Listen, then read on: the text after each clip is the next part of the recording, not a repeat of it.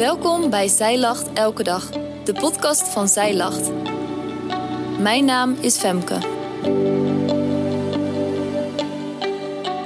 Dit is de overdenking van 2 november, geschreven door schrijfster Arjanna Azodi Dalami. Sommige momenten in het leven zijn donker en intens pijnlijk. Je zit in een put en bent uitgeput. Je hebt niets meer te geven. Het lijkt alsof alles je ontnomen is. Je voelt je niet goed genoeg voor de ander en niet voor God. Je zit vol pijn, verdriet en angst. En soms raak je zelfs verbitterd. Je kunt de neiging hebben jezelf af te sluiten en terug te trekken. Je weet dat je je geliefden niet kan geven wat je ze zo graag zou willen geven, en daarom stoot je ze af.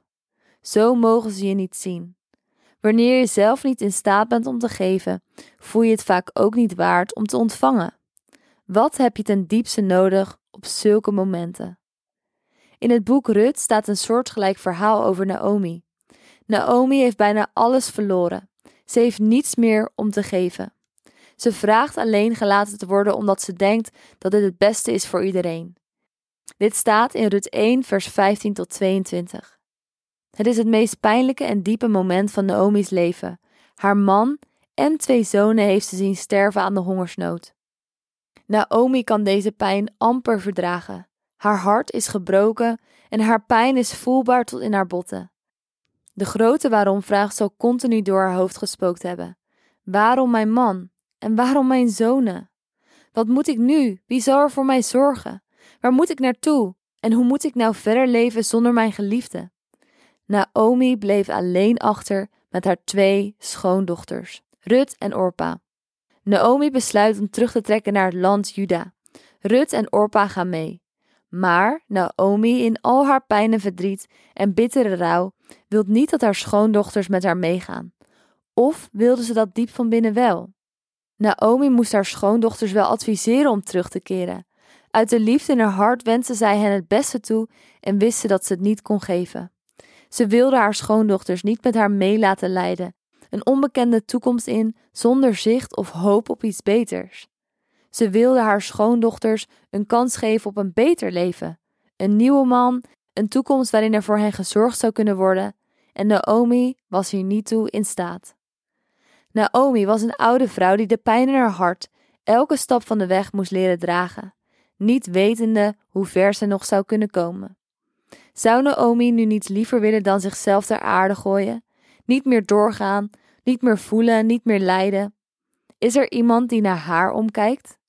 Iemand die, zelfs wanneer ze het niet kan geven en zichzelf niet meer waard voelt, toch blijft om voor haar te zorgen en haar te steunen? Beide schoondochters hebben een keuze.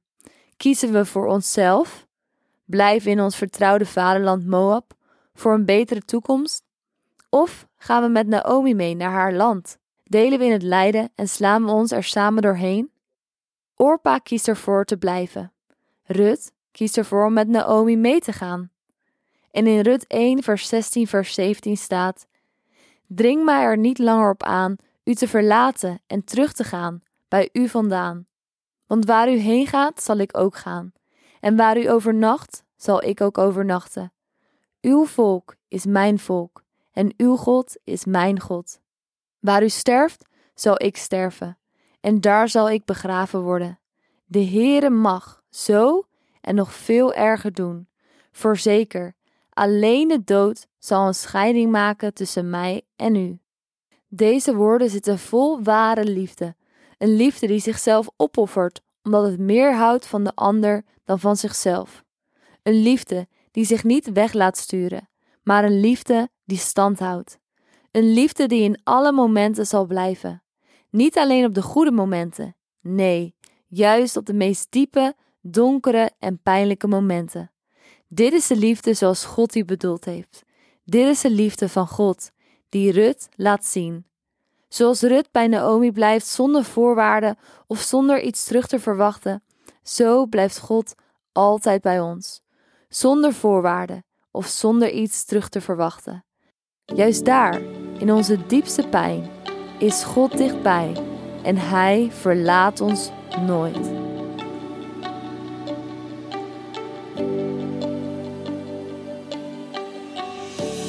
Dankjewel dat jij hebt geluisterd naar de overdenking van vandaag. Wil je de overdenking nalezen? Check dan onze website. Je vindt er ook meer toffe dingen die jou helpen om de Bijbel vaker te openen, zoals boeken, Bijbels, cursussen en evenementen. Morgen ben ik weer bij je terug met een nieuwe overdenking. Tot dan!